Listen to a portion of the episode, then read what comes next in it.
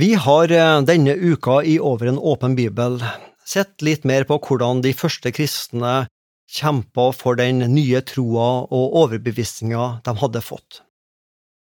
Vi har lest fra Efeserbrevet kapittel seks om Paulus som ber dem å ikke gi opp kampen for troa.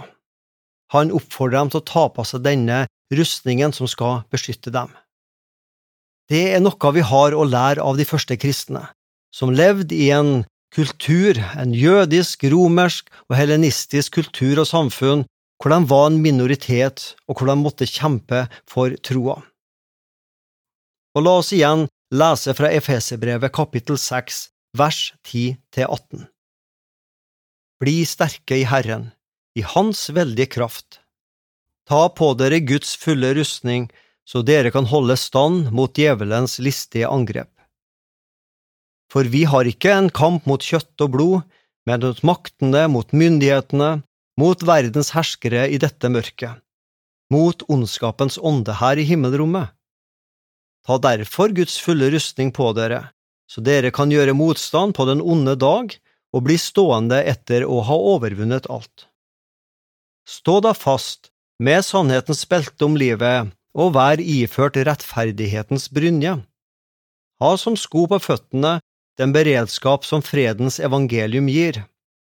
Grip fremfor alt troens skjold, som dere kan slukke alle den ondes brennende piler med. Ta frelsens hjelm og åndens sverd, som er Guds ord. Be til enhver tid i ånden, med all bønn og påkallelse. Vær årvåkne i dette, med all utholdenhet i bønn for alle de hellige.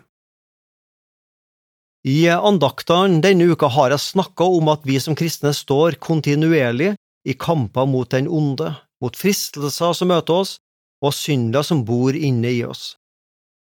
Vi har også sett på betydningen av å beskytte hjertet vårt, samt dette at Herren Gud har gitt oss det som Paulus kaller frelsens hjelm, til beskyttelse mot det som vil røve troa fra oss. Og som vi nettopp leser, så avslutter apostelen dette bibelavsnittet fra Efeserne 6 med å snakke om bønn. Be til enhver tid i ånden, med all bønn og påkallelse. Vær årvåken i dette, med all utholdenhet i bønn for alle de hellige. Og kanskje kjennes det litt sånn uvant for de fleste av oss å koble bønn, kamp og krig sammen. For bønn forbinder vi gjerne med fred, ro og stillhet i hjertet. Hva har så Paulus egentlig tankene da, når han i et bibelavsnitt om Guds fulle rustning avslutter med å legge det her med bønnens betydning inn over de kristne? Jeg tror ikke vi skal gjøre dette med for avansert og løfte det opp på et sånn altfor høyt og voldsomt og intellektuelt plan. Faktisk henger bønn og kamp naturlig sammen, også i din og min hverdag som troende. For det første, ja, mange av oss opplever det som en kamp, rett og slett, å sette av tid og stillhet til bønn. Det er jo så mange saker og ting som skjer, og kjemper om tida og oppmerksomheten min. Tankene havner så altfor fort på avveier, liksom ute på jordet, når jeg setter meg ned og skal ha ei bønnestund.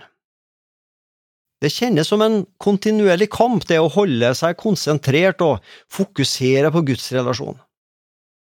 Kanskje ja, trolig ville det hjelpe den enkelte av oss i denne kampen om vi gjerne bestemte oss for kanskje et fast tidspunkt, og også for en fast plass i huset som vi kunne bruke når vi ønsker å ha bønnetid med Gud.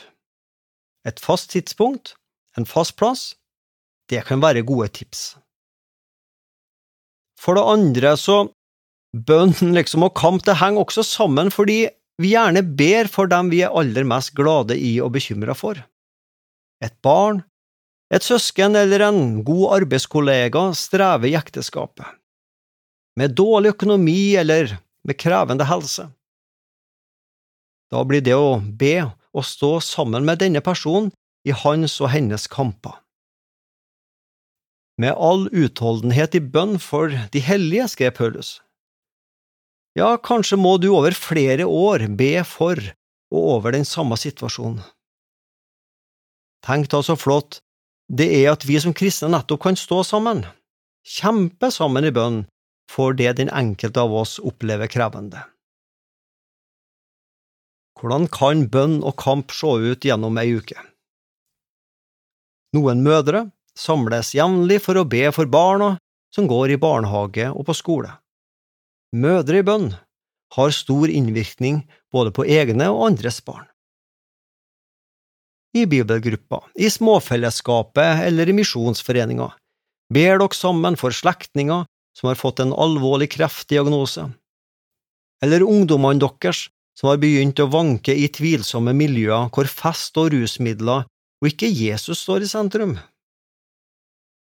Sammen med ektefellen din ber dere om at barn og svigerbarn og barnebarn må få være friske, ha det godt, finn et godt kristent fellesskap å gå i, slik at de kan bli bevart i troa. Sammen kjemper dere for at troa dere en gang prøvde å prente inn i barna, nå kan leve selvstendig videre i neste generasjon. Ja, slik kan en enkelt av oss være med og be til enhver tid i Ånden med all bønn og påkallelse, som Paulus skrev til de kristne i Efesus for snart 2000 år siden. Be til enhver tid, ja, da holder vi oss lettere våkne, ikke bare åndelig, men også gjerne i konkret betydning. Når du ber, verken nøl med eller kjenn det lite åndelig, og be konkret for hverdagens utfordringer. Gud trenger ikke at du formulerer det her på en fint måte, eller at du bruker ekstra fine og åndelige ord og uttrykk. Nei, Herren Gud, han ser jo til hjertet, hva du egentlig tenker på og bekymrer deg for. Si det til han, for han kjenner det jo allerede. I en kristen sang så står det, Si allting til Jesus, han kjenner deg så vel, han vet hva som engster og trykker tungt din sjel. Om dine beste venner deg enn kan misforstå, din Jesus deg dog kjenner, til ham du trygt kan gå. Så hold fast på denne tanken, denne doble måten å forstå bønn på. For det første, bønn skal ikke være et slit, et ork, noe du må prestere overfor Jesus Kristus. Nei, du og jeg skal få hvile i bønn. Vi kan få si allting til Jesus, vår aller beste venn, vår frelser og bror. For det andre, fordi jeg kan få si allting til Jesus, så vil jeg også fortelle han hva som bekymrer meg, kjempe for at det jeg opplever vanskelig, kan finne sin løsning. Det vil jeg kjempe for, og jeg vil også stå sammen med andre som har sine kamper i livet, be at deres kamper må få sin løsning. Ja, jeg håper jeg kan klare å være utholdende, ikke minst over bønneemner som gjelder andre enn meg sjøl. Så la oss avslutte denne andakten med nettopp å be. Vi takker deg, Jesus Kristus, for at du også kjempa i bønn i Getsemane. Vi takker deg for at ingenting er for smått eller for stort for å nevne for deg og Herren Gud. Og vi takker deg, Jesus, for at det er bønnesvar underveis i ditt navn, sjøl om det dryger. Ja, engler kommer med bud, om det drøyer det fram dog skal nå. For det lovet jo løftenes trofaste Gud, kall på meg og du hjelpen skal få. Takk, gode Gud, for akkurat det. Andakten i dag var ved Svein Anton Hansen. Serien produseres av Norea Mediemisjon. Les mer om oss på norea.no.